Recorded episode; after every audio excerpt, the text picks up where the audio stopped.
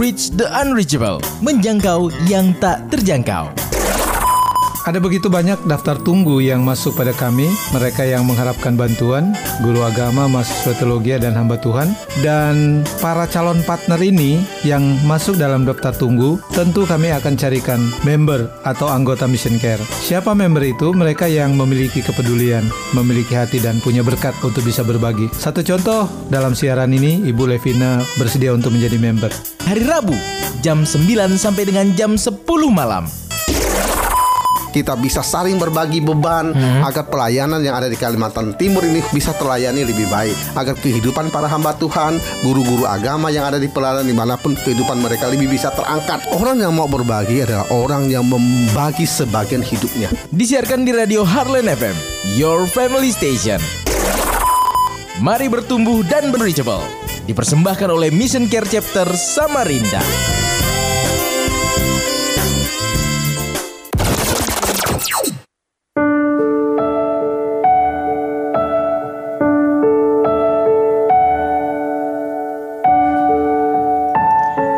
Shalom selamat malam hal listener. Pastinya kembali lagi di ruang dengar Anda. Di seperti biasa setiap hari Rabu dari jam 9 sampai dengan jam 10 nanti Dalam program Reach the Unreachable Menjangkau yang tak terjangkau.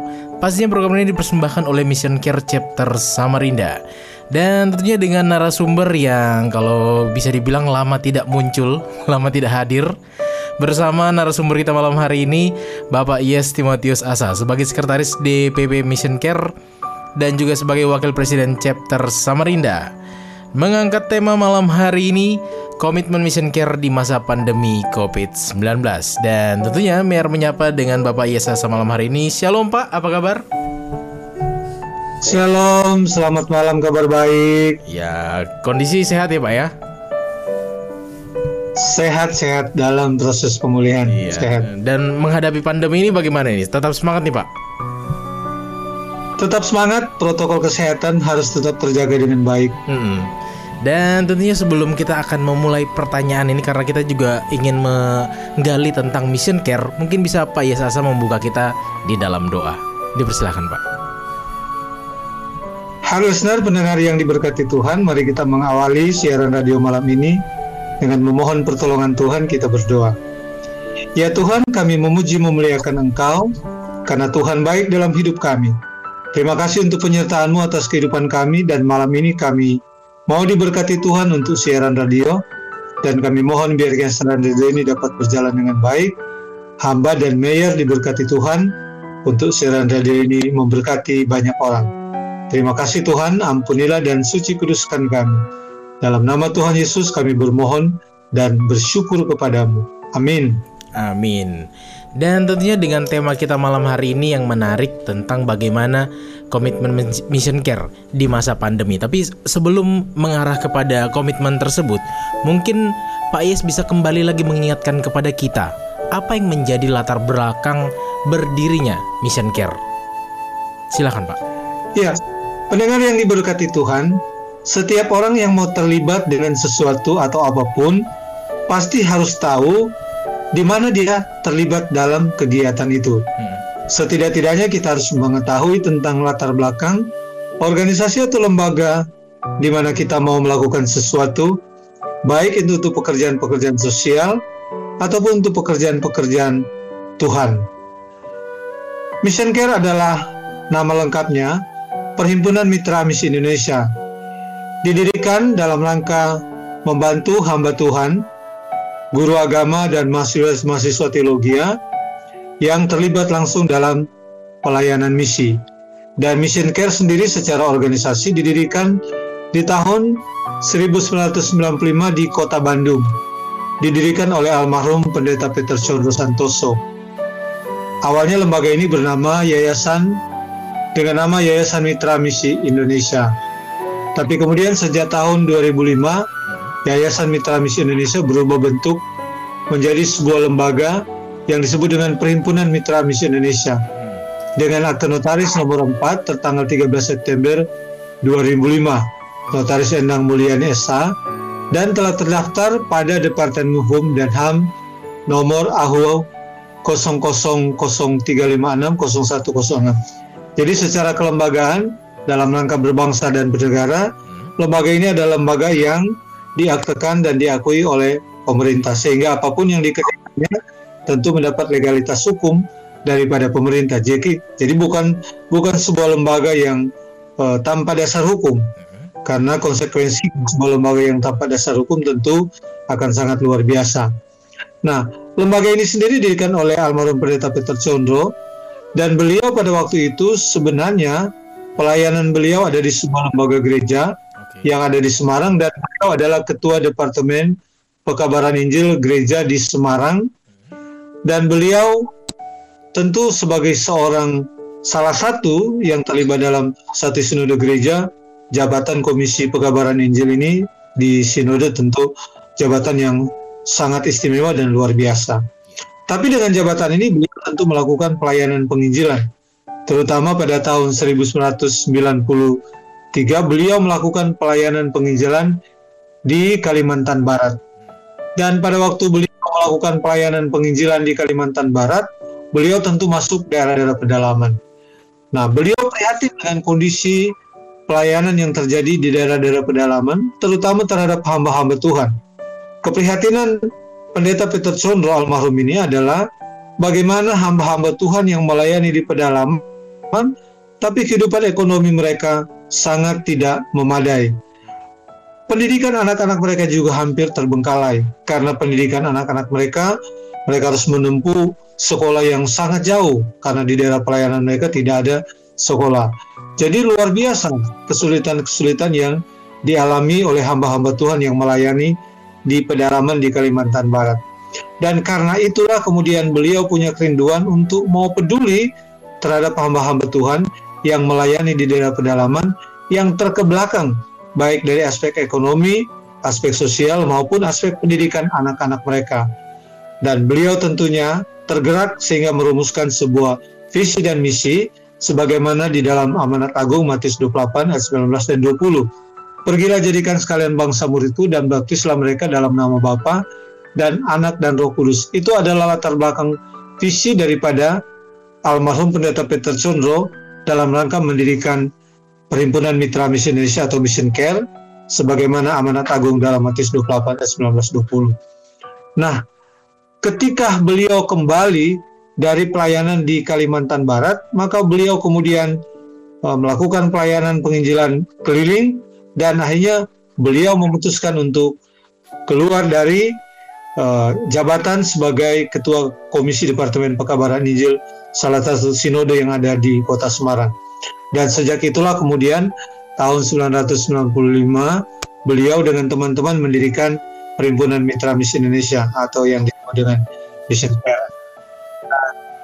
Uh, pelayanan beliau tentunya dilatar belakangi juga oleh sebuah moto yang kita kenal dengan istilah rich dan undercable, menjangkau yang tak terjangkau.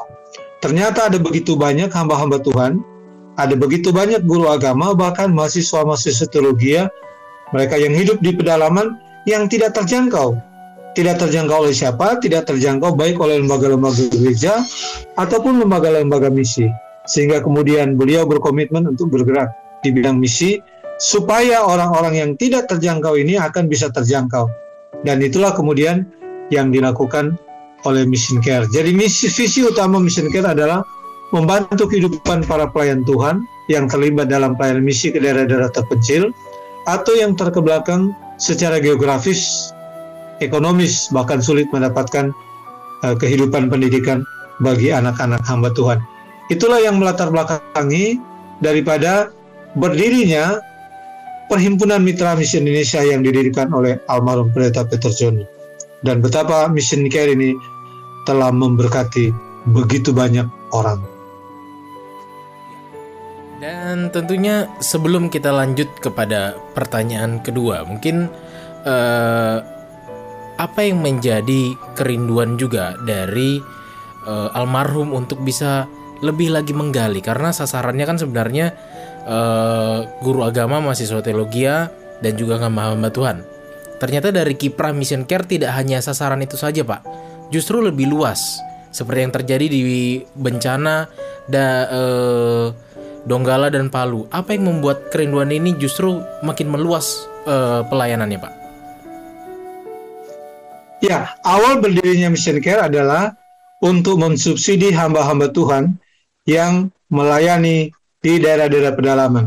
Kemudian berkembang untuk membantu guru-guru agama, kemudian mahasiswa teologi. Ternyata banyak juga guru-guru agama yang mengajar tapi tidak pegawai negeri, sehingga mereka tidak mendapatkan gaji. Bahkan ada guru-guru yang tidak punya honor karena mereka hanya uh, dipekerjakan atau membantu pada sekolah-sekolah yang memang tidak punya guru agama Kristen. Dan yang kemudian berkembang, guru-guru agama pun mendapatkan kepedulian. Dan guru agama ini tentu posisi mereka baik di pedalaman maupun daerah-daerah perkotaan. Demikian juga mahasiswa teologi ya, ternyata ada begitu banyak mahasiswa teologi ya, yang kemudian uh, disekolahkan tapi kemudian orang tua mereka juga hidup dalam uh, kemiskinan sehingga keprihatinan almarhum Pendeta Peter Sondo yang kemudian juga mensubsidi uh, mahasiswa teologi. Dan kegiatan ini kemudian berkembang sesuai dengan anggaran dasarnya, tidak hanya sebatas pada membantu hamba Tuhan, guru agama dan mahasiswa teologi, tapi juga Mission Care sesuai dengan namanya memiliki kepedulian yang tinggi dalam konteks hidup berbangsa bernegara. Dan karena itu begitu banyak kegiatan-kegiatan yang sudah dilakukan oleh Mission Care, terutama pada kegiatan-kegiatan sosial, membantu berbagai macam bencana alam, membantu orang-orang yang uh, hidup dalam keprihatinan, baik mereka yang sakit ataupun yang mengalami kegagalan-kegagalan hidup, mereka yang uh, kemudian uh, hidup dalam kemiskinan, bahkan juga uh, beberapa kegiatan yang kita sudah lakukan itu luar biasa sangat memberkati. Misalnya ketika di Lombok bencana alam, ketika di Palu bencana alam, bahkan di daerah-daerah lain yang mengalami bencana alam, di sana juga Mission Care bergerak untuk kemudian boleh peduli dan berbagi dengan uh, masyarakat dalam hidup berbangsa bernegara kita. Jadi orientasi daripada Mission Care ini tidak hanya pada lingkup kekristenan sebagaimana lembaga ini berdiri, tetapi orientasi Mission Care adalah bagaimana kemudian Mission Care bisa menjadi berkat bagi bangsa dan negara. Sehingga ketika ada musibah, ada bencana alam, di situ pun Mission Care hadir. Dan itu luar biasa. Ada begitu banyak saksian yang uh, kita boleh lihat bahwa uh, ketika peristiwa di Aceh, ketika peristiwa di bencana alam di Wasior Papua, di Sulawesi Utara, di Sinabung, bencana banjir di, di Jakarta, di Jogja, di NTB, kemudian di Palu dan uh, awal ke, awal pandemi COVID-19 ini juga Mission Care mengambil peran. Jadi tidak terhitung lagi kegiatan yang dilakukan oleh Mission Care dalam konteks hidup berbangsa dan negara. Dan kegiatan yang misalnya pernah kita lakukan di Lombok, kita pernah uh, menyediakan suplai air bersih di beberapa masjid yang ada di Lombok. Bahkan juga di di Palu, di Singgi Donggala juga kita membuat uh, saringan pembersih air juga ada di beberapa masjid. Karena ada begitu banyak kebutuhan masyarakat sekitar. Dan dapat dikatakan bahwa Mission Care ini uh, di samping dalam memberkati lingkup pelayanannya dalam komunitas Kristen tapi juga Mission Care ini menjadi berkat bagi bangsa ini. Karena kita adalah bagian dari bangsa ini Republik Indonesia. Oke, menarik untuk semakin lagi mendalami kita untuk mengenal Mission Care. Dan tentunya sebelum kita lanjut Pak Yes, kita akan break dulu untuk mendengarkan sebuah lagu. Dan pastinya Anda listener di mana pun Anda berada bagi Anda yang ingin bertanya, ingin mengenal lebih lagi da, uh, tentang Mission Care Anda dapat menghubungi kami di 0811 587 028 melalui SMS dan WhatsApp ya di 0811 587 028 ataupun juga dengan Bapak Gideon di 0853 72 2594 dan tentunya jangan ke mana-mana kami akan segera kembali.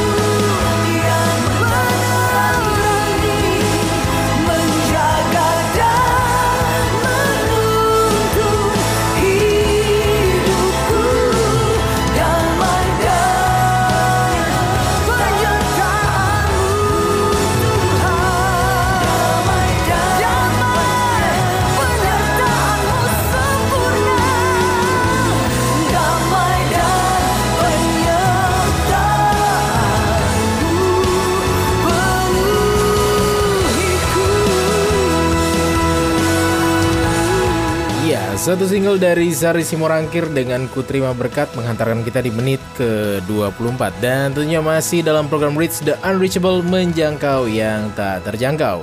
Dengan tema kita malam hari ini Komitmen Mission Care di masa pandemi COVID-19 Bersama narasumber Bapak Yes Timotius Asa sebagai Sekretaris DPP Mission Care Dan juga Wakil Presiden Chapter Mission Care Chapter Samarinda. Dan tentunya Pak Yes kita lanjutkan karena tadi di awal kita sudah dengan latar belakang bagaimana Mission Care berdiri dan berkiprah sampai dengan saat ini tidak hanya menjangkau hamba Tuhan, mahasiswa teologi, guru agama, justru kegiatan-kegiatan sosial yang berdampak tidak hanya untuk uh, agama Kristen saja tapi justru lebih luas lagi. Dan terlebih lagi dengan Pak Yes juga menyinggung bahwa uh, kiprah Mission Care juga di masa Covid ini juga melaksanakan kegiatannya bukan bukan ikut lockdown tapi justru semakin berkiprah di masa Covid ini. Apa yang menjadi dasar firman Tuhan terhadap tema malam hari ini, komitmen mission care di masa pandemi Covid-19? Ya, harus pendengar yang berbahagia. Tema malam ini saya mendasarinya pada firman Tuhan sebagaimana dalam Galatia pasal 6 ayat 2, Bertolong-tolonganlah menanggung bebanmu demikianlah kamu memenuhi hukum Kristus. Ya. Pendengar yang diberkati Tuhan, ketika almarhum pendeta Peter Condro dipanggil Tuhan pada beberapa tahun yang lalu, sempat terjadi kekhawatiran di kalangan kami Mission Care. Apakah ketika pendiri Mission Care ini sebagai motor, ketika dipanggil Tuhan Mission Care akan berhenti dari pelayanannya? Kemudian kami berembuk bahwa Mission Care tidak akan pernah berhenti dalam pelayanannya sampai Tuhan membubarkan sendiri Mission Care. Dan itulah yang disebut komitmen ketika Mission Care didirikan oleh almarhum Pendeta Peter Sondro. Dan komitmen itu ternyata tetap terjaga. Ketika masuk pada awal Maret di mana munculnya pandemi COVID-19 ini, juga sempat terjadi kekhawatiran. Apakah kegiatan-kegiatan Mission Care akan tetap berjalan? Karena pandemi COVID-19 ini memberi dampak yang luar biasa kepada para pengusaha sebagai member Mission Care yang memberi subsidi bagi hamba Tuhan dan guru agama mahasiswa teologi. Dan tentu saja dampak ekonomi ini sangat terasa bagi para pengusaha. Sehingga kemudian bisa saja mereka akan berhenti untuk mensubsidi hamba Tuhan, guru agama dan mahasiswa teologi. Termasuk di Samarinda ketika kami membagi subsidi pada bulan Agustus ini. Kami juga sempat khawatir sebagai pengurus apakah para member ini akan berhenti memberikan subsidi karena mereka juga terdampak daripada pandemi COVID-19 ini. Tapi puji Tuhan, begitu sangat terasa respon yang luar biasa daripada member yang adalah para pengusaha profesional yang kemudian ternyata mereka tetap memiliki komitmen. Sekalipun kesaksian mereka, mereka juga terdampak dengan pandemi COVID-19. Dan komitmen itulah yang kemudian tetap terjaga. Karena kita sudah mendasari komitmen itu pada Galatia pasal 6 ayat 2 ini yang disebutkan bertolong-tolonganlah menanggung bebanmu demikianlah kamu memenuhi hukum Kristus. Walaupun ayat ini menunjuk pada bagaimana kita bertolong-tolongan dengan orang yang mengalami problem-problem kerohanian. Mereka yang hidup dalam dosa karena terjatuh dalam dosa maka mereka perlu pertolongan. Tapi ternyata ada ayat-ayat selanjutnya yang kemudian memberi respon lain terhadap ayat ini ternyata bertolong-tolongan ini bukan hanya semata pada ketika orang mengalami persoalan-persoalan jatuh dalam dosa, persoalan-persoalan psikologis, persoalan-persoalan yang membuat mereka jauh daripada Tuhan, tapi ternyata juga persoalan-persoalan sosial ekonomi yang terjadi pada setiap orang, setiap anak Tuhan yang juga harus dipedulikan.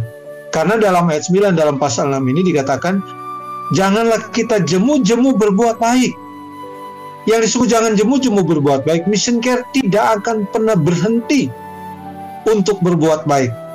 Karena apabila sudah datang waktunya kita akan menuai jika kita tidak menjadi lemah.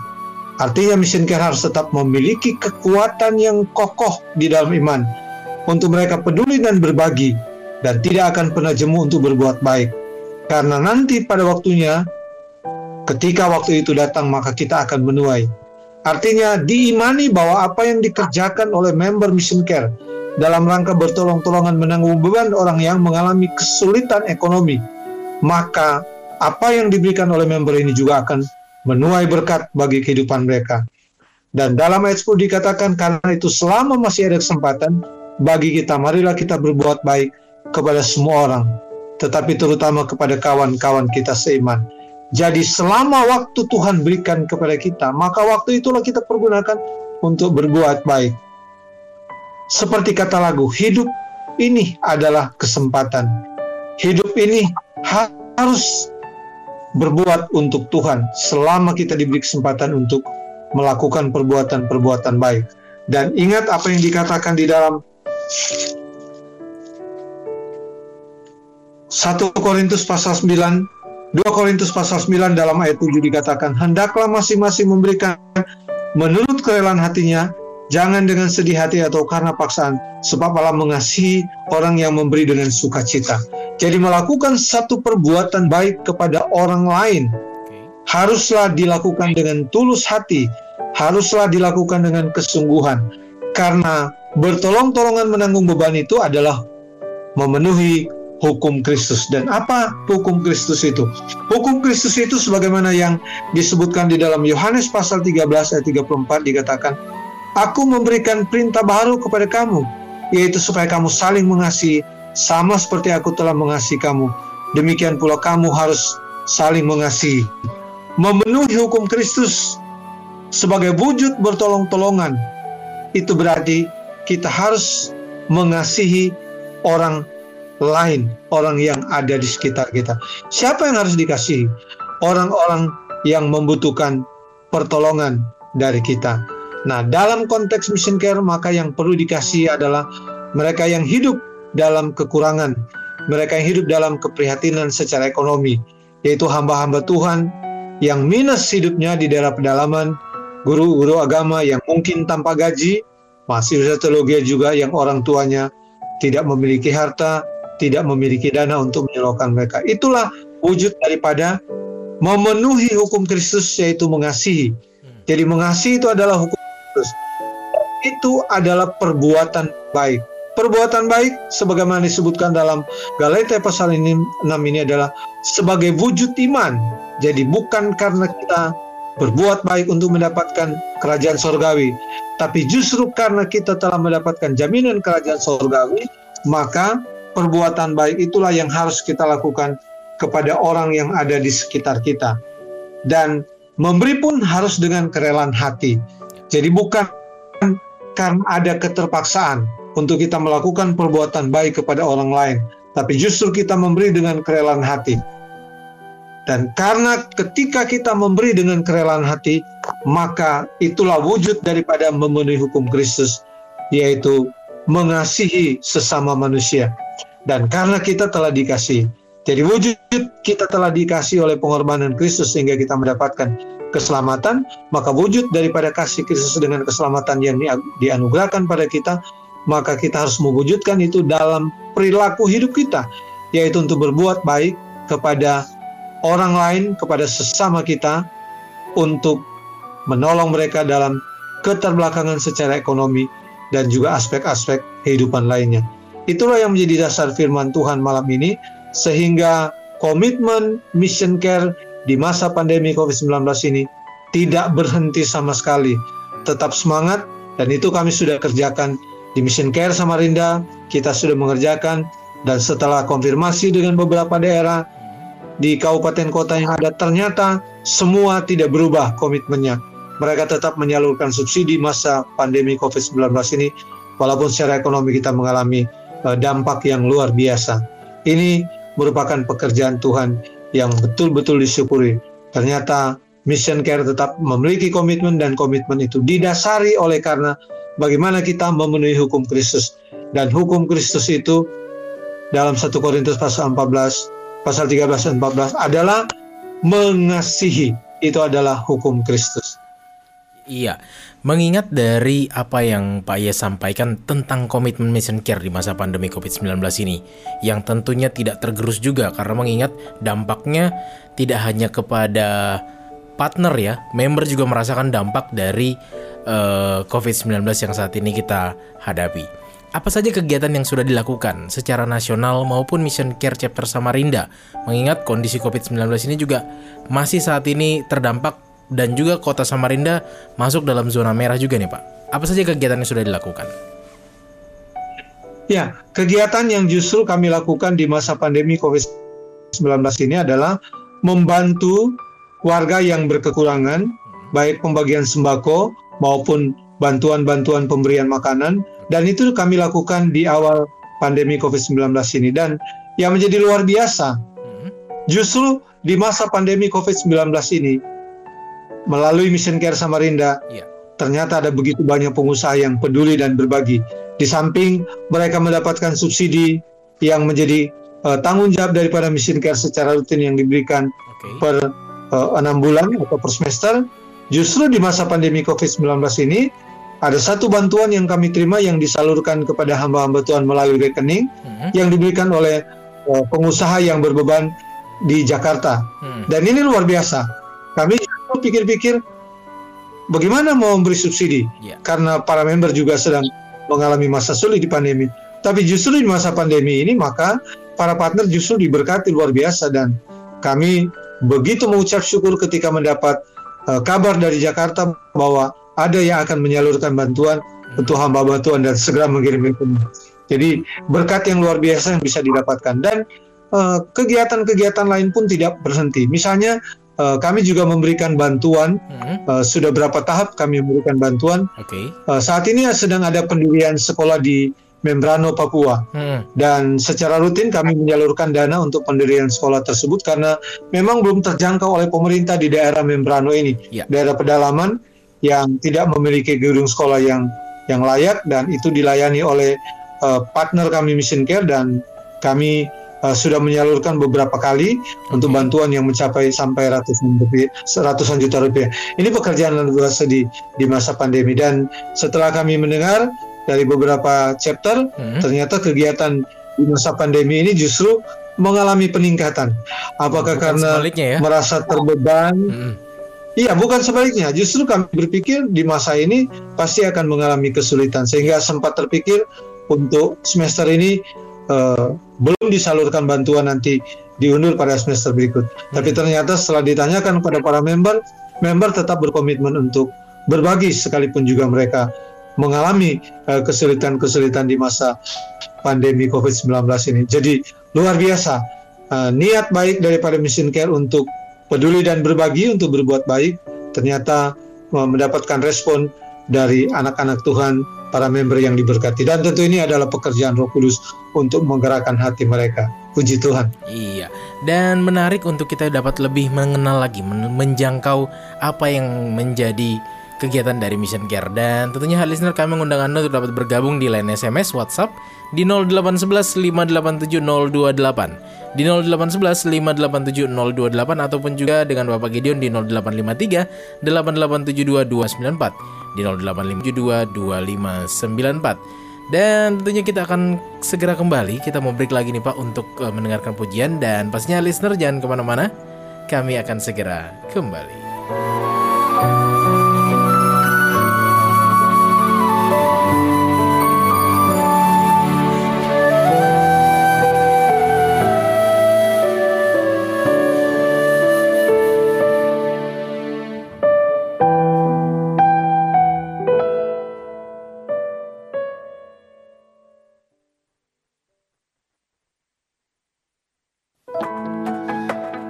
Saudara-saudara kekasih Tuhan Yesus, jangan sia-siakan hidup ini. Masih ada kesempatan kita untuk menjadi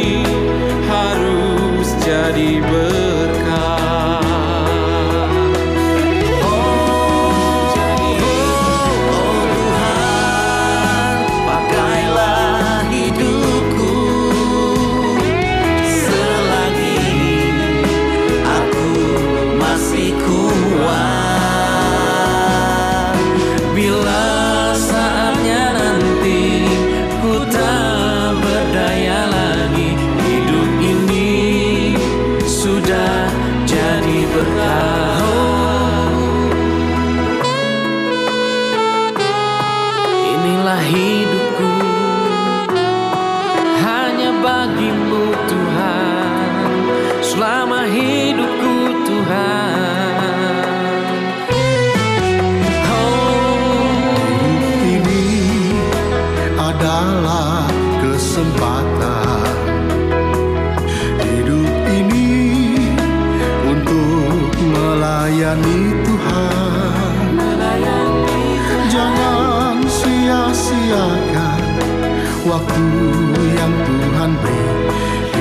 Hidup ini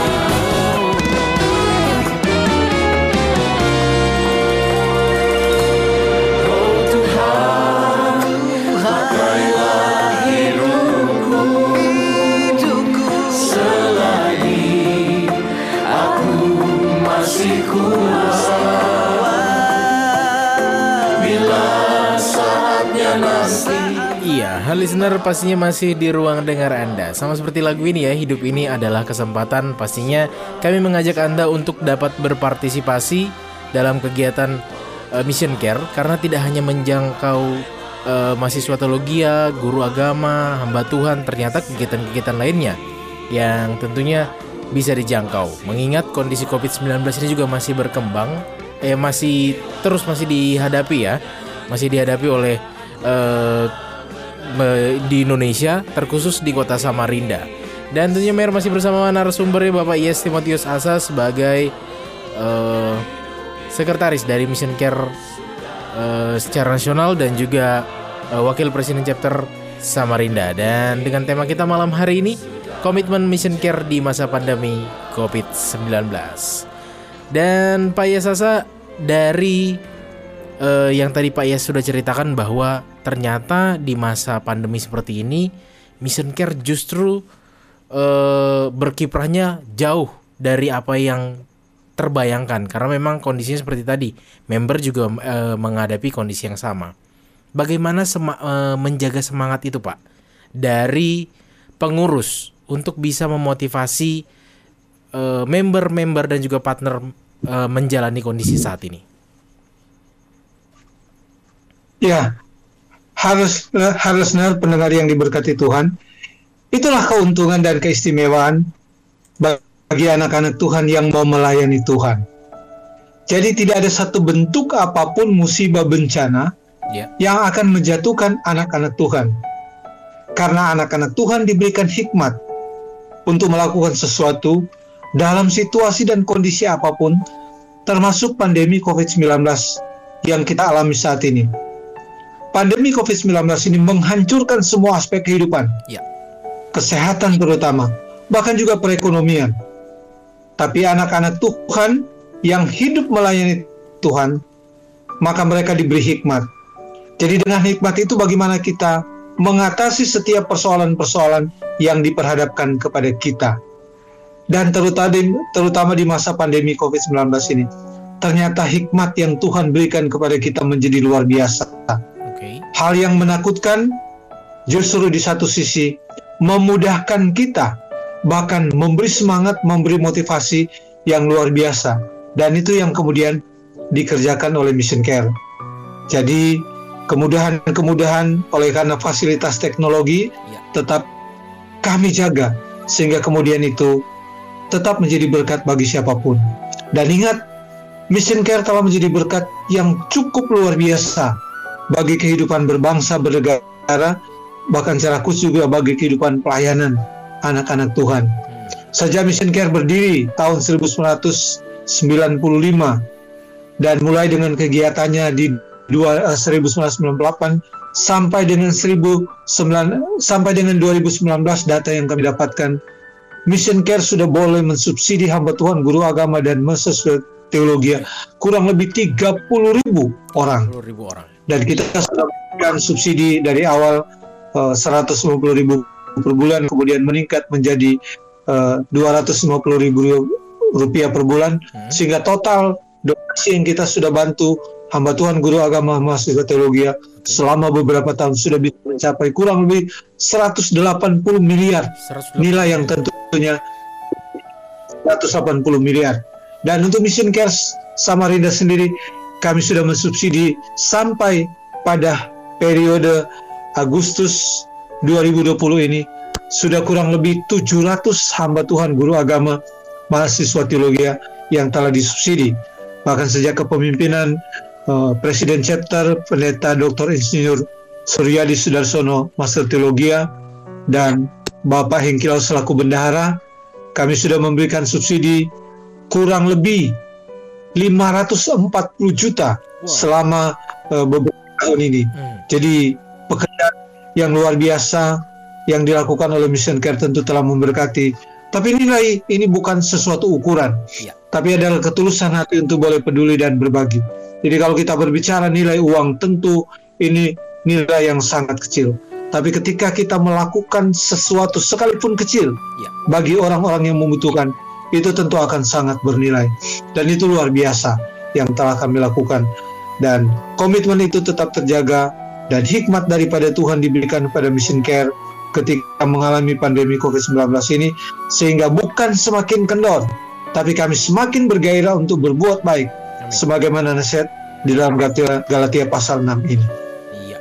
Dan tentunya dari harapan-harapan pasti setiap eh, member, partner dan hamba-hamba Tuhan juga memiliki harapan. Apa harapan terhadap anak-anak Tuhan untuk menopang misi pelayanan Mission Care ini, Pak? Ya, pendengar yang diberkati Tuhan, ketika kita bicara tentang harapan, itu berarti kita harus melakukan sesuatu sehingga harapan yang kita harapkan itu dapat terwujud. Apa yang harus dilakukan? Bekerja dan melayani. Dan pekerjaan-pekerjaan yang dilakukan oleh pengurus baik secara nasional maupun oleh Mission Care Samarinda itu kami lakukan dengan berbagai macam bentuk baik melakukan pendekatan-pendekatan pribadi melalui informasi media sosial ataupun melalui siaran radio yang dilakukan oleh Mission Care. Tentu dengan sarana-sarana ini maka kemudian kita berharap banyak orang yang akan mendapatkan informasi tentang Mission Care dan dengan itu orang akan tergerak hati untuk boleh peduli dan berbagi. Jadi memperkenalkan Mission Care adalah hal yang utama bagi pelayanan Mission Care. Karena mungkin banyak orang yang belum mengenal tentang Mission Care. Tapi saya pastikan dan saya yakini saya imani ketika Mission Care uh, diketahui orang banyak dan ketika kita memberikan informasi yang baik dan benar tentang Mission Care dan membuktikan apa yang telah dikerjakan, maka akan banyak orang tergerak hati. Sampai saat ini, kami masih berharap anak-anak Tuhan yang diberkati masih akan tergerak hati untuk boleh peduli dan berbagi bagi mahasiswa teologi, guru agama, dan hamba Tuhan. Karena daftar tunggu yang ada pada kami masih cukup banyak. Pada periode eh, tahun ini 2020 ini kami sudah membagikan subsidi dan cukup banyak eh, calon-calon partner yang kemudian bisa tersubsidi di periode ini. Walaupun itu sempat dikhawatirkan karena pandemi COVID-19 ini, tapi ternyata bertambah eh, partner yang disubsidi oleh Mission Care karena juga bertambah mission eh, member tetapi masih ada juga daftar tunggu dan itu kami masih mencarikan donatur-donatur. Dan tentu melalui siaran radio ini kami berdoa supaya ada anak-anak Tuhan yang diberkati tergerak hati. Mission Care tidak membutuhkan orang-orang yang kaya Mission Care tidak membutuhkan para pengusaha yang banyak uang. Yang dibutuhkan oleh Mission Care adalah orang-orang anak-anak Tuhan yang mau tergerak hati. Karena tidak harus pengusaha. Tapi kalau orang tergerak hati, nilai 250 ribu itu tentu bukanlah hal yang terlalu besar untuk dibagikan bagi hamba Tuhan, guru agama, dan mahasiswa teologi. Kalau kita bergaji 3 juta 250 sekalipun, kita masih bisa menyisikan 250 ribu rupiah. Nah, bagaimana ketika kita berpenghasilan di atas 10 juta? Bagaimana ketika kita berpenghasilan di atas 20 juta, di atas 100 juta, atau kita berpenghasilan miliaran rupiah? Saya pastikan dan saya yakin di kota Samarinda ini masih banyak anak-anak Tuhan yang memiliki penghasilan yang cukup besar. Persoalannya adalah, apakah kita mau tergerak hati untuk peduli dan berbagi bagi hamba Tuhan, guru agama, dan mahasiswa teologi? Karena mereka adalah bagian dari kita untuk menjalankan pelayanan misi, memberkati bangsa dan negara kita. Jadi harapan kami adalah anak-anak Tuhan dapat tergerak hati. Jadi bukan orang yang berduit banyak, tetapi orang yang hidup pas-pasan pun bisa memberikan kepedulian bagi mereka. Karena nilai 250 ribu per bulan tentu bukan sebuah beban yang besar. Tapi ketika itu diterima oleh hamba Tuhan, guru agama, mahasiswa teologi, terutama hamba Tuhan yang hidup di pedalaman, 250 ribu rupiah itu sudah sangat bernilai sekali karena mereka minimal sudah bisa membeli beras untuk kebutuhan sebulan. Hitungannya seperti itu. Sambil Mission Care tentu juga memperlengkapi mereka dengan berbagai macam pelatihan-pelatihan dan itu dilakukan oleh Mission Care. Baru-baru ini di samping kami memberikan subsidi, kami juga membuat webinar, memberikan pelatihan bagi para partner dan itu dilakukan uh, secara daring, secara visual melalui uh, fasilitas teknologi yang ada. Jadi luar biasa dan tentu saja para partner. Harapan kami bahwa apa yang telah diberikan oleh para member itu harus benar-benar dimanfaatkan dengan baik. Bagi para hamba Tuhan tentu akan semakin uh, bersemangat karena lebih fokus pada pelayanan, kebutuhannya bisa tersedia. Bagi guru agama mengajar dengan baik karena ada tambahan untuk penghasilan. Bagi mahasiswa teologi juga itu menjadi motivasi bagi mereka ya. untuk mereka belajar lebih baik. Jadi di samping para member, calon member yang kita harapkan untuk peduli dan berbagi, para partner juga kami ingatkan untuk melakukan pelayanan dengan baik, belajar dengan baik, mengajar dengan baik. Dan itulah timbal balik dari apa yang kita terima dari anak-anak Tuhan yang telah memberkati kita. Itulah pesan dan harapan saya untuk bagaimana kemudian mission care ini mendapat perhatian yang lebih serius ya. dari anak-anak Tuhan, terutama mereka yang ada di wilayah pelayanan kami di daerah kota Samarinda dan sekitarnya. Mission Care ada di chapter Samarinda, tapi kami mensubsidi hamba Tuhan guru agama mahasiswa teologi yang ada di kota Timur, yang ada di Kutai Barat, dan beberapa daerah yang ada di Kalimantan Timur ini tentu berkat Tuhan akan dianugerahkan, dicurahkan pada kita ketika komitmen kita, ketika kepedulian kita untuk memberi benar-benar terwujud, menjangkau yang tidak terjangkau. Ya, dan tentunya di menjelang menit-menit terakhir karena tidak terasa kita berada di segmen terakhir nih Pak. Dan apa yang menjadi kesimpulan dari komitmen Mission Care di masa pandemi COVID-19 yang saat ini masih kita hadapi?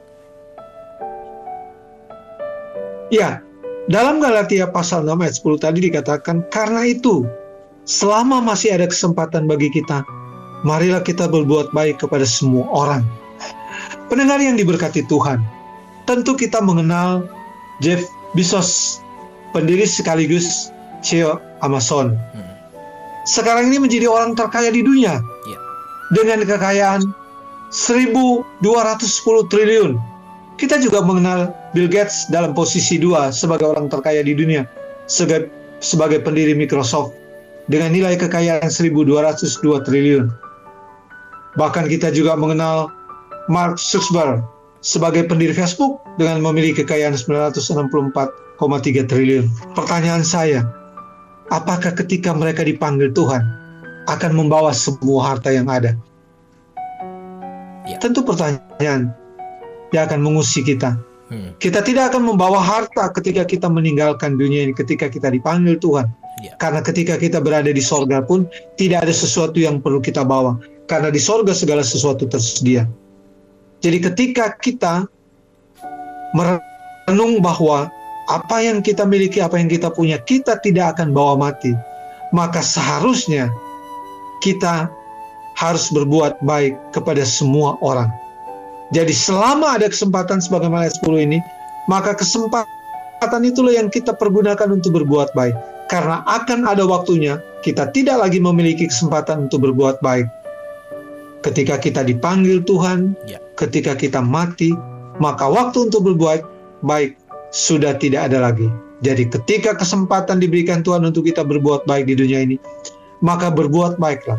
Tapi ingat, perbuatan baik yang kita lakukan kepada sesama kita bukan oleh karena kita mendapatkan pahala. Ya. Perbuatan yang kita lakukan oleh karena kita telah mendapatkan berkat. Berkat apa? Terutama yang kita dapatkan. Sebagai anak Tuhan tentu kita imani berkat yang kita dapatkan adalah berkat keselamatan. Karena pengorbanan Tuhan Yesus di kayu salib membuktikan bahwa dia berkorban untuk kita dan itu menjadi milik kita.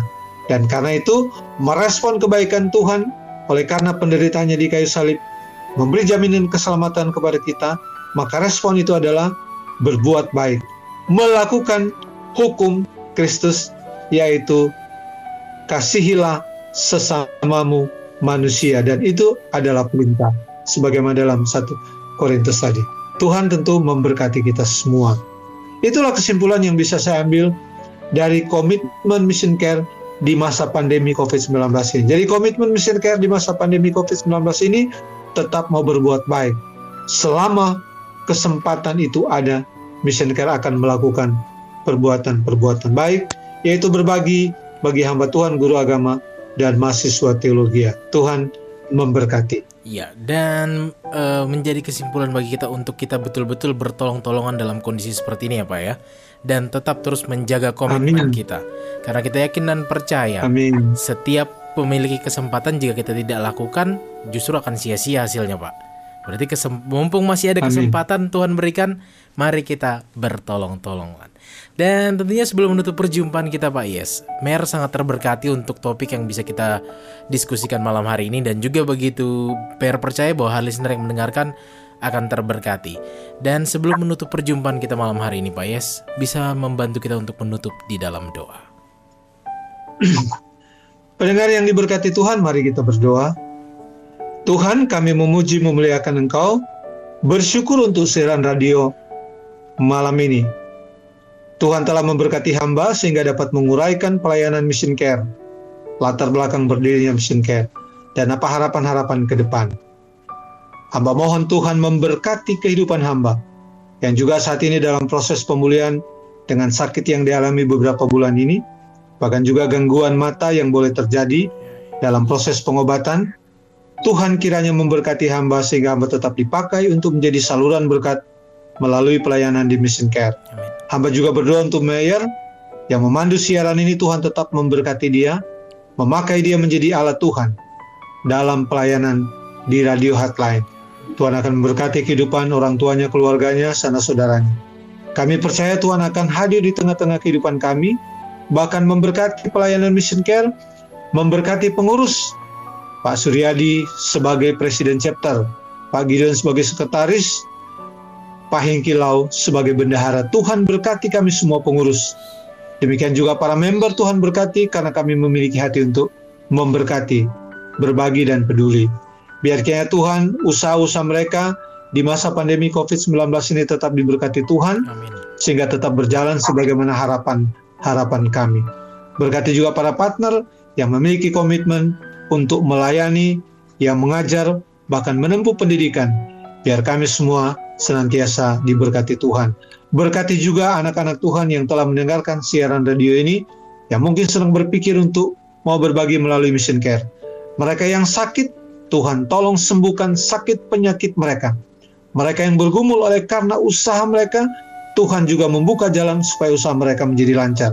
Mereka yang bergumul dengan persoalan kehidupan rumah tangga, Tuhan kiranya memberi hikmat dalam mengatasi persoalan-persoalan rumah tangga. Ada begitu banyak persoalan hidup yang kami hadapi di masa pandemi COVID-19 ini. Tapi kami yakin ketika kami berserah diri kepada Tuhan, maka Tuhan yang akan campur tangan memberkati kehidupan kami, menolong kami. Terima kasih Tuhan, malam ini kami akan beristirahat dalam semua aktivitas hidup kami.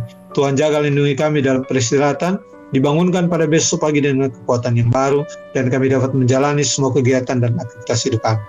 Terima kasih Tuhan, kami menyerahkan siaran radio hotline ini ke dalam tangan Tuhan untuk tetap menjadi saluran berkat bagi anak-anak Tuhan, bagi masyarakat, bagi bangsa dan negara kami. Berkati pemerintah bangsa dan negara kami dalam menanggulangi persoalan-persoalan yang ada, bahkan terutama dalam memutus mata rantai COVID-19 ini. Berikan ketertiban kepada masyarakat kami supaya patuh pada protokol kesehatan. Karena itu berkati juga pemerintah Provinsi Kalimantan Timur, berkati pemerintah Kota Samarinda, supaya upaya-upaya yang dilakukan oleh pemerintah Kota Samarinda dapat membuahkan hasil. Dengan demikian kehidupan perekonomian kami dapat berjalan dengan baik. Terima kasih Tuhan, kami serahkan kehidupan kami ke dalam tangan Tuhan. Ampuni suci kuduskan kami, layakan kami untuk tetap setia, melayani Tuhan, mau berbuat baik, dan mau bertolong-tolongan bagi sesama kami yang membutuhkan pertolongan.